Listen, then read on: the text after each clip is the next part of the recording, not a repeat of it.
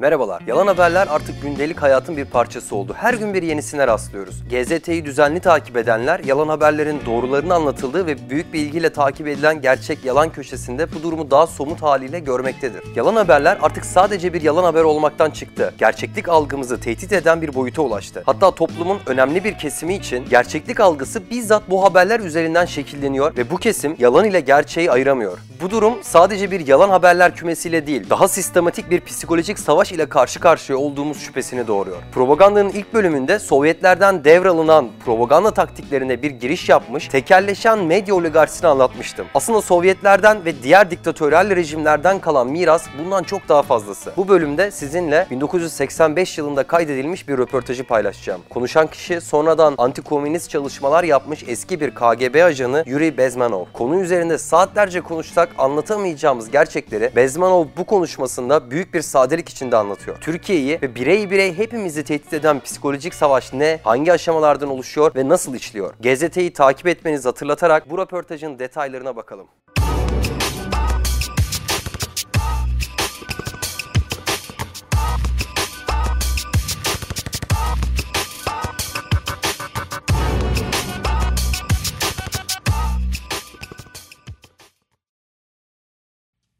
Bezmanov'un uzmanlık alanı subversion denen bir kavram. Subversion Türkçe'ye yıkım olarak çevriliyor ama aslında Türkçe'de karşılığı olmayan bir kelime. Bir ülkenin askeri, ekonomik, psikolojik veya politik şekilde çökertilmesi sürecine verilen ad. Daha açık bir ifadeyle subversion bir ülkeyi işgal etmeye yönelik geliştirilmiş toplum mühendisliği anlamına geliyor. Sovyetlerin düşman ülkelere karşı uyguladığı bu süreç KGB diliyle aktif önlem olarak adlandırılıyor. Halk dilinde ise psikolojik savaş olarak biliniyor. Dinleyelim. Ideological subversion is, is the process which is legitimate, overt, and open. You, you can see it with your own eyes. There is no mystery. There is nothing to do with espionage. I know that espionage intelligence gathering looks more romantic. It sells more deodorants through the advertising, probably. That's why your Hollywood producers are so crazy about James Bond type of, of, of thrillers. But in reality, the main emphasis of the KGB is not in the area of intelligence at all. According to my uh, opinion and opinion of many defectors of my caliber, only about 15% of time, money, and manpower is spent on espionage as such. The other 85% is a slow process, ideological subversion, or active measures, активные мероприятия in the language of, of the KGB, or psychological warfare. What it basically means is to change the perception of reality of every American to such an extent that despite of the abundance of information, no one is able to come to sensible conclusions in the interests of defending themselves, their families, their community and their country. Bezmanov konuşmasında gerçekten çok önemli bir ayrıntıya değiniyor. Bildiğimiz anlamda casusluğa ayrılan zaman, para ve insan gücünün tüm casusluk faaliyetleri içindeki oranı sadece %15. Bu gerçeklikle ilk yüzleştiğimde aynı yanılsamaya kendimin de kapıldığını fark etmiştim. Gerçekten de bugün casus dendiğinde pek çoğumuzun aklına James Bond tarzı patlayan arabalar eşliğinde uçan, kaçan, atletik casuslar geliyor. Ancak gerçek casusluk faaliyetleri böyle işlemiyor. Bezmanov'un altını çizdiği bir diğer nokta ise bu faaliyetlerin gerçeklik algısını değiştirme amacı taşıyor taşıdı. Elbette Bezmenov röportajında Amerikan vatandaşları olarak anlatıyor ancak anlattığı her şey bugün maruz kaldığımızla örtüşüyor. Bezmenov röportajına psikolojik savaşın dört aşamasını anlatarak devam ediyor. Bunlar demoralizasyon, destabilizasyon, krizler ve normalleşme. It's a great brainwashing uh, process which goes very slow and it's divided in, in four basic stages. The first one being demoralization. It takes from 15 to 20 years to demoralize a nation. A person who was demoralized is unable to assess true information. The facts tell nothing to him.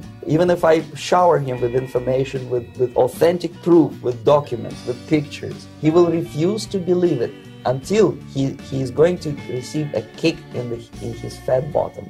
When a military boot crashes his, then he will understand. But not before that. That's the tragic of the situation of demoralization. Bezmanov psikolojik savaşın ilk adımı olan demoralizasyonu çok doğru anlatıyor. Demoralize olan kişiler gerçeğe karşı kendisini kapatıyor. Aslında ne ile demoralize olmuş olmasının da önemi yok. Bugün bu görevi misyon edinmiş bir kesim basın organı mevcut. Yayın akışlarını çoğu yalan haberden oluşan bir sistematik demoralizasyon üzerine kurmuş durumdalar ve akıldan çok duyguları hedef alarak bu misyonlarını yerine getirmekteler. Sürekli maruz kaldığımız trajedilerle sersemledik. Üstelik bunu da çoğu zaman rasyonel değil, irrasyonel metotlarla yaptılar. Çünkü hedef bizi olumsuz giden bir şeye ikna etmek ve bu olumsuzluğu düzeltmek değil, yalnızca bu olumsuzluğun psikolojimizde tahribat yaratmasıydı. Bu yüzden hali hazırda kötü olan bir mesele o haliyle yetersizdi. O meseleyi en dramatik haliyle sunmak gerekmekteydi ve öyle de yapıldı. Bezmanov'un açıklamasında psikolojik savaşın ikinci aşaması destabilizasyon. The next stage is destabilization. This time, subverter does not care about your ideas and the patterns of your consumption.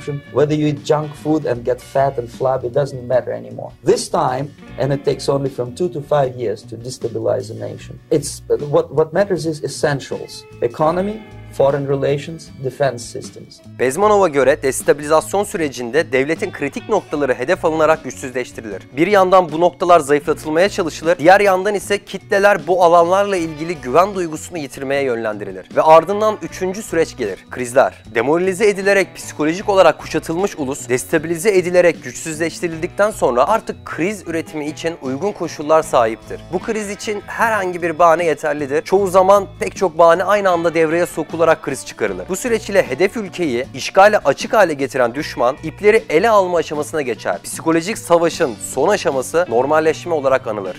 And after crisis, with a violent change of, of power, structure and economy, you have so-called the period of normalization. It may last indefinitely. Normalization is a cynical expression borrowed from Soviet propaganda. When the Soviet tanks moved into Czechoslovakia in 68, Comrade Brezhnev said, Now the situation in brotherly Czechoslovakia is normalized. Bezmanov'un son söylediği cümleyi tekrarlamak istiyorum. Sovyet tankları 1968'de Çekoslovakya'ya girdiğinde Sovyet Rusyası Başkanı Brezhnev bu işgale kardeş Çekoslovakya normalleşti cümlesiyle duyurdu. Yani demoralizasyon ve destabilizasyon süreçlerini imar edip kriz oluşturanlar bu psikolojik savaş sürecini normalleşme vaadiyle ülkeyi ele geçirerek tamamladı. Eski KGB ajanı Bezmenov psikolojik savaşın ne olduğunu böyle anlatıyor. Bu röportajı dinlediğimden beri karşılaştığım her yalan haberde aklıma psikolojik savaşın 4 aşaması ve her Türkiye'nin normalleşmeye ihtiyacı var söyleminde aklıma Çekoslovakya'nın işgali geliyor. Ben Murat Soydan izlediğiniz için teşekkür ederim.